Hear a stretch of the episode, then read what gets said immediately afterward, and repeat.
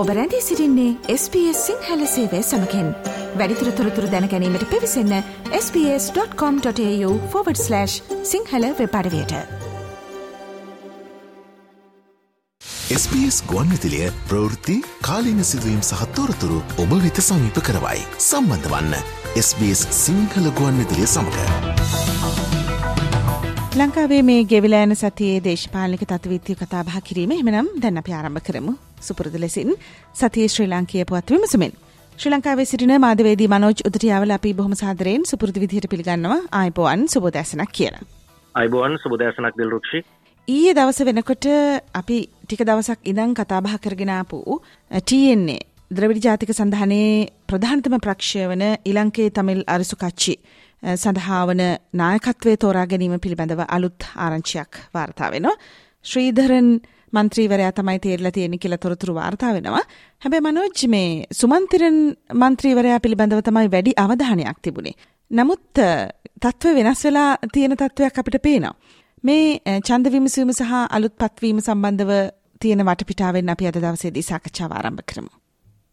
අපි කලනුත් මේ වැඩසටානේ සඳහන් කරා වගේ ලංකේ තමිල් අරුස්සූ පක්ෂයේ නායකත්වය වෙනුවෙන් එම සුමන්තිරන් මන්ත්‍රීවරයා ඒත් එක්කම එස් ශ්‍රීදරන් මන්ත්‍රීවරයා එකන සිවඥානම් ශ්‍රීදරන් මන්ත්‍රීවරයා සහ එස් යෝගේශ්වරන් මන්ත්‍රීවරයා නාමයෝජනා භාරදීල තිබුණා. ඒ අනුව මේ ප්‍රදේශයන් නියෝජනය කරන තුන්සිය තිස් හත් දෙනෙක් මේ නායකත්වය වෙනුවෙන් චන්දය ලබා දෙන්න සුදුස්කම් ලබලා හිටිය. ඒ අතරින් එකසි අසූ හතර දෙනෙකුගේ චන්දය ලබාගත්තු ශිවඥානම් ශ්‍රීදරන් මන්ත්‍රීවරයා ඉලංකේ තමිල් අරුසු පක්ෂේ නව නායකත්වයට තේරී පත් වුණා. සුමන්තිරන් මන්ත්‍රීවරයට හම්බ වුණේ ඡන්ද එකසිය තිස් හතක් යනු දෙදස් දහය අවුරුද්ධ ඉඳලම අකණ්ඩව සෑම මහමැතිවරණයකින්ම ජයග්‍රහණය කරලා යාපනයේ මැතිවරණ කොට්ටාශ්‍රයෙන් පාර්ලිමේන්තුව නියෝජනය කරපු ශ්‍රීදරන් මන්ත්‍රීවරයා ඒ අනුව මේ මෙවර මේ අලුත් වගකීමට මූුණ දෙන්න සූදානම් වෙලා ඉන්නේ. නායකත්වය ලබා ගන්න සූදානම් වෙලා ඉන්නේ. අපි දන්නවා දෙමළ ජාතික සන්ධානයේ පක්ෂාතරක් ඇතැම් අවස්ථාවල යම් යම් ගැටලු නිර්මාණය වෙලා තිබුණා. මුලින් පක්ෂ හතකින් සමන්විත සන්ධානයක් හැටියට ක්‍රියාත්මක වුණත් දැන් පක්ෂ තුනක් තමයි දෙමළ ජාතික සන්ධානය නියෝජනය කරන්නේ. අතරින් ප්‍රධාන පක්ෂය තමයි ලංකේ තමිල් අරුසු පක්ෂය දැන් මේ නායකත්වය යටතේ කොයි ආකාරයෙන්ද දෙමළ ජාතික සඳහනය කොට නැගින්න කියන කාරණය මංහිතන්නේ බොහෝ දෙනෙක් බලාපොරොත්තු වෙන්න ඉන්නවා. එය ලංකේ තමිල් අරුසු පක්ෂී නායකත්වයටම හම්බ වෙයිද? වෙනත් කෙනෙකුට දෙයිද? නායකත්වය දරන පුද්ගලයෙකු මෙහි නායකයා වේද කියලා ඉදිරිය ඔවුන් ගන්නා තීරණ මත තීරණය වෙන නියමිතයි. කොමුණත් ඉලංකේ තමිල් අරුසු පක්ෂයට නවනායකයා විදිහට තමයි මේ තෝරාපත් කර ගැනීම සිද්ධ වනේ.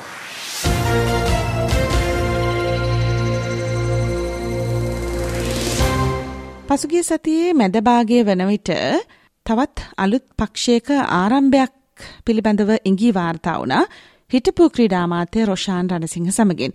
අපි පසුගේ සතියේදී මෞබිමෙන් පුවත් අපගේ ලංකාවේ දවසේ ප්‍රවෘති විශේෂාන්ගේ හරහා මේ සම්බන්ධව ඒ වෙනකොට තිබිච්ච තොරතුරු වාර්තා කළා.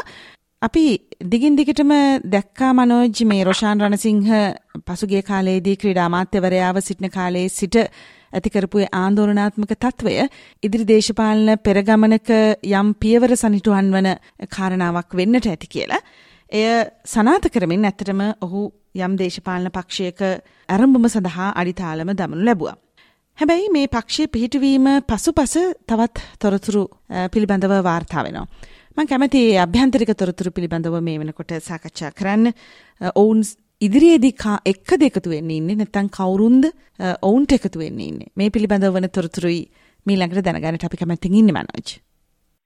ක්‍රීඩා මාත්‍ය දුරේ රොෂාන් රණසිංහ හිටපු අමාත්‍යවරයාට අහිමිවීමත් එක්ක ඔහු ඉදිරි දේශපාලන ගමනක් තනිව ආරම්භ කරන බව කිව්වා. ඒකේ ආරම්භය වෙන්න ඕනේ පහුගිය සතියේදී පොළොන්නරුවේදී දූෂණයේ නවතමු.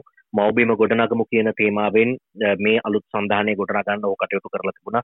ඔහුගේ ගමේදිම පොළොන්නරුවේදීම අපිට ආරංචි වෙන විදිහට නිදහස ජනතා සභාව නියෝජනය කරන මන්ත්‍රීවරුන් කීප දෙනෙකුටත් ආරාධනා කරලා තිබුණා.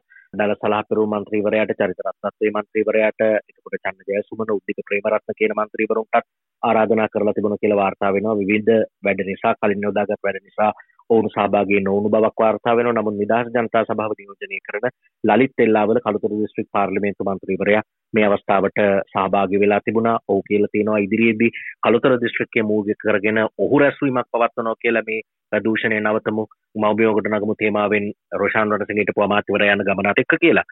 ඉතින් ඒ අනුව ඉදිරියේදී ඔවුන් උහන සහ දෙහියත්ත කණ්ඩිය ප්‍රදේශවල රැස්වීම් තියන්නත් සාකච්ඡා කරගෙන තියෙනවා. අර්ජුන රණතුංග හිටපු මන්ත්‍රීවරයාත් මේ අවස්ථාවට එකතු වෙලා තිබුණා.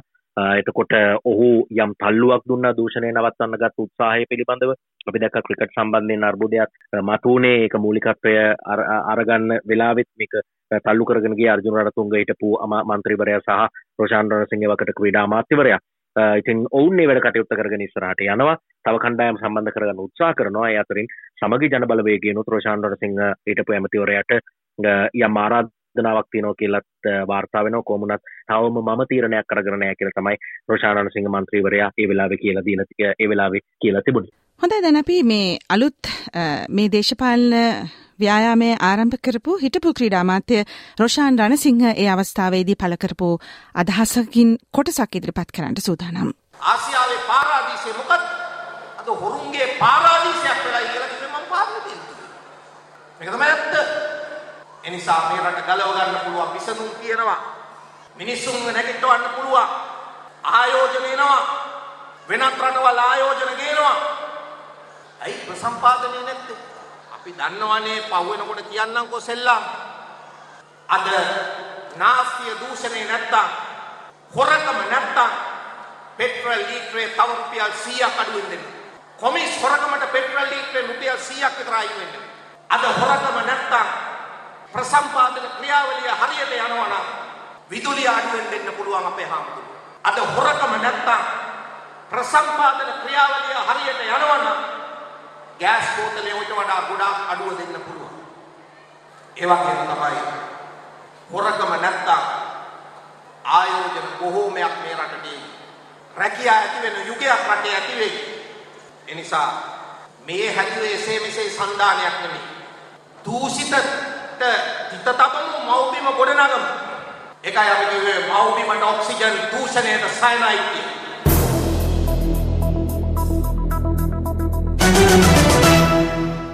තවත් දේශපාලනික කණ්ඩායම්වල එකමුතුවක් පිළිබඳව සහ ඉදිරි මැතිවරණ ඉලක්ක කරගෙන යම් යම් සූදානම් වීම පිළිබඳව තොරතුරු වාර්තා වෙනවා. ලංස ප්‍රමුඛ කණ්ඩායම ඔබට මතක ඇතිනේ අපි දිගින් දිගට මේ පිළිබඳව කතා බහ කළා. ඊට පස්සේ අනුර යාපා ඇතුළු කණ්ඩායමත් මේ ලංසා සහ පිරිස සමග එකතු වුණා. දැන් යම් යම් සූදානම් වීම පිළිබඳව තොරතුරු වාර්තා වෙනවා.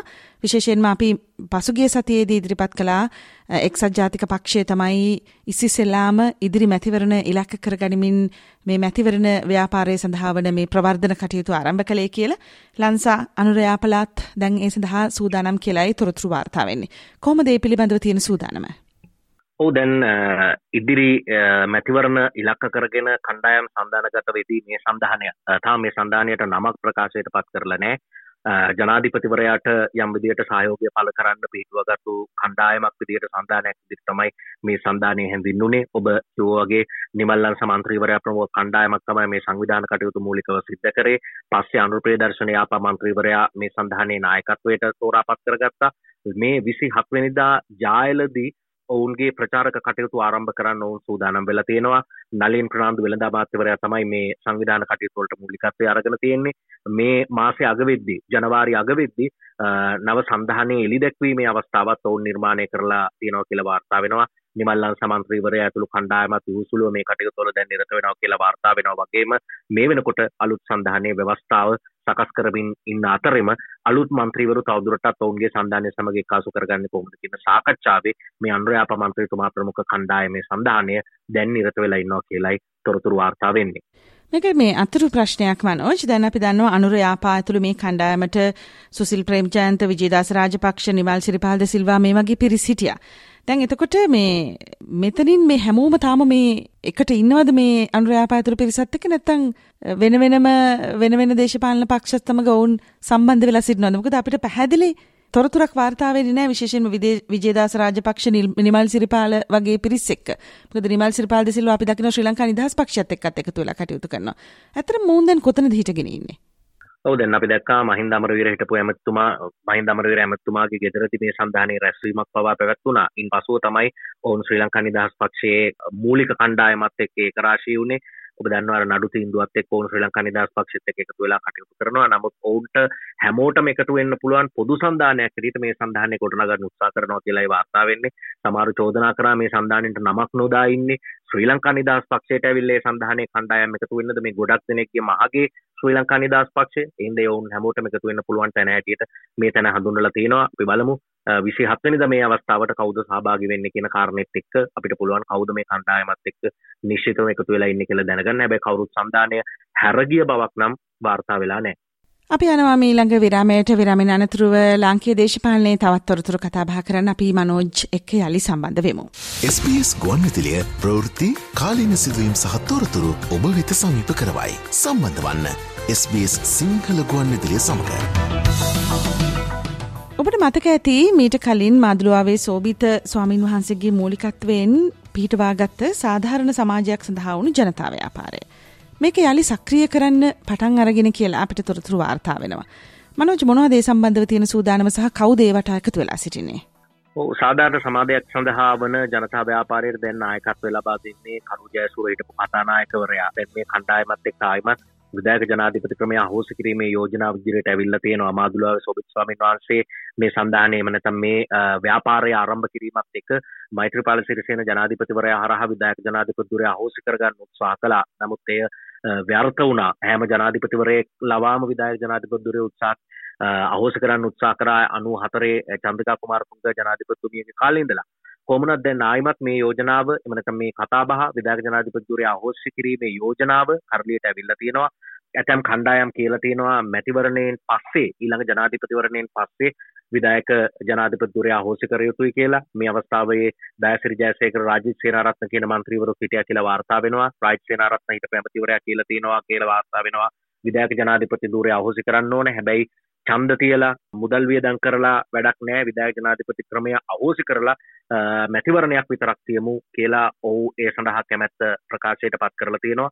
කොමුණත් මේ ඉදිරිපත් වෙච්ච සියලු අදහස් එකතු කරගෙන ගිහිල්ලා විදායක ජනාධිපතිවරයා අහෝසි කරන්න කියන ඉල්ලීම කරු ජයසූරිය හිටපු කතානායකවරයා ජනාධිපතිවරයාට බහර දෙන්න සූදානමක් තියෙනවා කියලා වාර්තා වෙනවා. දැනටත් ජනාධිපතිවරයා ක්‍රියාත්මක කරන ජන සභහා පිහිටුවීමේ ව්‍යාපෘතිය සභාපතිවරයා විදිහට කටයුතු කරන්නේ කරු ජයසූරියට පො කතානායකවරයා. ඒ හරහා මේ සාධාරණ සමාජයක් සඳහා වන ජනතා ව්‍යාපාරය විදායක ජනාධිපතිවරයා අහෝසි කළ යුතුයි කියලා අරගෙන ආපු යෝජනාව ඒ අනුව කරු ජයසූරියට පො කතානායකවරයා ජනාධිපතිවරයාට ලබා දෙන්න කතා කරගත්තා කියලා වාර්තා වෙනවා මනෝජ් මේ කරුජයසූරිය පසුගේ කාලවකවානුවේදී සජබත් එක්කත් එකතු වෙලා හිටියා නේද? එතකොට දැන් කරුජයසූරිය ඇත්තටම දැන් ඉන්නේ එක්සත් ජාතික පක්ෂයත් එක්කද සජබෙත් එක්කද? ඔවුන් ඒ කියන්නේ කරුජයසූරිය හිටපු කතානායකවර ඍජුව දේශපාලන සම්බන්ධතාවයක් එක වැඩ කරන බවක් සඳහන් කරලා නැහැ. නමුත් ඔහු ක්‍රියාවලියේ ඉන්නවා. සාධාරණ සමාජයක් සඳහා ජාතික ව්‍යාපාරයේ නායකත්වයේ ධර්මින් ඔහු අපි දැක්කා සජබය සමග එතුමන් යම් අවස්ථාවන් වලට සහභාගී වුණා. ඊට පස්සේ රනිල් වික්‍රමසිංහ ජනාධිපතිවරයා මෑත කාලේ තමයි ජනසභා පීඨුවේ මේ ව්‍යාපෘතිය එතුමන්ට බාර දීලා තිබුණේ. දේශපාලන පක්ෂයක් සමග සම්බන්ධව වැඩ කරන බව ඔහු සඳහන් කරලා නැහැ. නමුත් ක්‍රියාකාරීව සාධාරණ සමාජයක් සඳහා වන ජනතා ව්‍යාපාරයත් එක්ක කටයුතු කරගෙන යන්නේ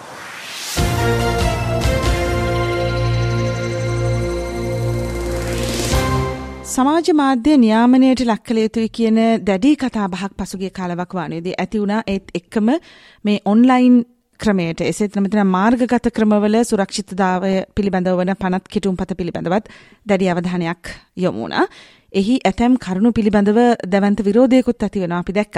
හැබැයි මේක පාර්ලිමේන්තුවේදී විවාදයට ගැනීම කල්තියන්න කියලා විපක්ෂයෙන් යම් ඉල්ලීමක් තියෙනවා.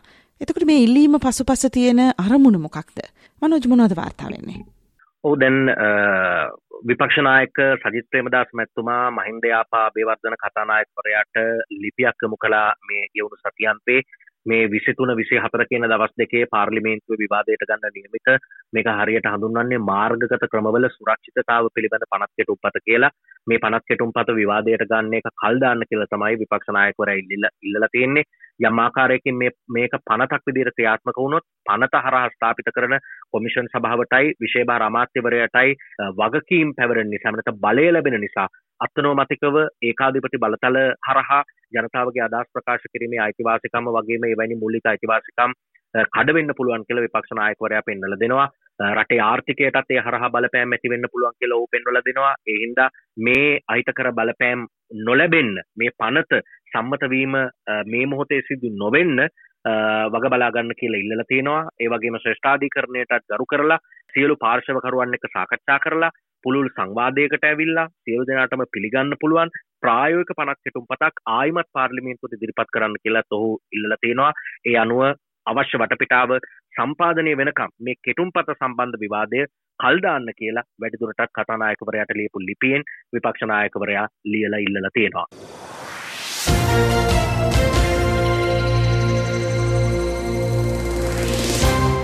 මාතරින් පටන්ගත්තු ගැහැණු සුනාමිය රට පුරා හඹමී යනවා සතුරන් සියලු දෙනා කලබලයට පත් වෙලා තිබෙනවා නැද්ද සාමාන්‍යයෙන් අපි දන්නවා අපේ ගම්වල විවිධ සමිති සමාගම්වල ක්‍රියාකාරීත්වයෙන් ඉස්සරහාම ඉන්නේ කවුද? ගමේ ඉන්න අක්කලා අම්මලා නංගිලා. එහෙම නේද? අපේ සහෝදරිය. මරණාධාර සමිතිය රැස් කරොත් වැඩියෙන් ඉන්නේ කවුද? කාන්තාව. පාසල් සංවර්ධන සමිතිය රැස් කරොත් වැඩියෙන් ඉන්නේ කවුද? කාන්තාව. උදේට ඉස්කෝලේ ගේට්ටුව ගාවට ගියොත් වැඩියෙන් ඉන්නේ කවුද? කාන්තාව. සූත්‍ර මූල්‍ය ණය දෙන්න සමිති හැදුවේ කාගෙන්ද? කාන්තාවන්ගේ. ඒ නිසා අපේ රටේ සක්‍රීයම පිරිස තමයි කාන්තාව. හැබැයි ඒගොල්ලෝ නිහඬ කරලා තිබුණා. ඒගොල්ලෝ දේශපාලනේ මුළු ගන්නලා තිබුණා. ඒගොල්ලන්ගේ මතයක් ගොඩනගලා තිබුණා. ඒගොල්ලන්ට දේශපාලනය අදාළ නැහැ. දේශපාලනේ මහත්යගේ වැඩ. හැබැයි අද ඒ සියලු පවුරු මිත්‍යා මත බිඳලා ලංකාවේ ප්‍රබලතම කාන්තාවන්ගේ නැගිටීම ජාතික ජනබලවේගයේ හරහා සිදුවෙමින් තිබෙනවා. අපේ අවසාන අවධානය ජාතික ජනබලවේගය පිළිබඳවයි.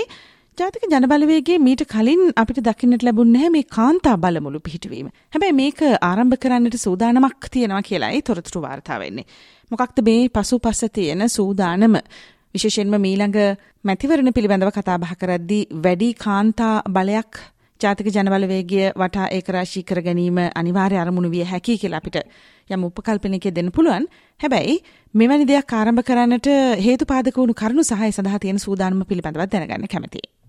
මදන්න ජාතික ජනබලවේගේ තමයි මේ මැතිවරණ තියන්න ගිල්ල මැතිවරණ කල්්‍යයාමත එක්ක වැඩිම කාලයක් මැතිවරණ ව්‍යාපාරය රඳවගන්න සිදුවුණු දේශපාලන කණ්ඩායම මොකද ඔවුන්ට එකන්නේ දැන් මේ පාලන කණ්ඩායම්වලට සමාජයෙන් අරගලයාදී කාරණා නිසා මතුුණු විරෝධයක්ත් එක්ක සක්‍රීයව දේශපාලන ප්‍රචාරණය ඉදිරියට අරගෙන කියා ජාතික ජනබලවේගේ පක්ෂයක් විදිහට අපි දැක්කා. ඔවුන් තාමත් ඒක කරගෙන යනවා.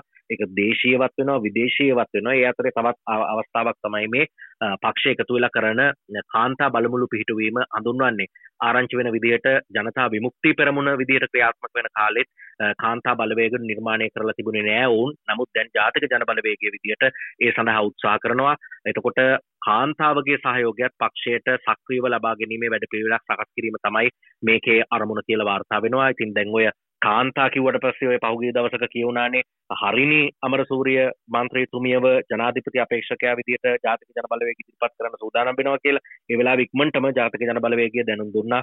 ඔවුන්ගේ අපේක්ෂකයා අනුර කුමාර දිසානායක පක්ෂ නායකවරයා කියලා. ඉතින් ඒ වගේ තවත් කතාවක් පහුගිය දිනවල සඳහන් වෙලා තියෙනවා. විජිත හේරත් මන්ත්‍රීවරයාත් අවස්ථාවකදී කියලා තියෙනවා අපේ ආණ්ඩුවක් යටතේ කාන්තාවක් අගමැති වෙන්නත් බැරි නෑ කියලා. ඉතින් කාන්තා බලමුළු පිහිටුවීම සහ මේවා එකට සම්බන්ධ කරගෙන යම් අදහස් නිර්මාණය වෙලා තියෙනවා කොමුණත් ඔවුන් කාන්තාවටත් යම් සක්‍රීය දේශපාලන සහයෝගයක් ලබා ගැනීමේ බලාපොරොත්තුවෙන් මේ වන විට කාන්තා බලමුළු පිහිටුවීමේ වැඩ කටයුත්ත ආරම්භ කරලා තියෙනවා.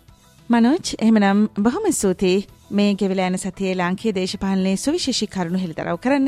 ඒ ඒ කරුණු වටා සැබඳෙන කාරණා පිළිබඳව විග්‍රහ කරන්න අපිත් එක්ක සම්බන්ධ වීම පිළිබඳව අපි යලිත් ඔබ වෙහෙට බලාපොරොත්තු වෙනවා මෞබිමෙන් පුවත් විශේෂංකයෙන්. එතෙක් අයිබෝවන්. අයිබෝන් දිලුක්ෂි බොහොම ස්තුතියි.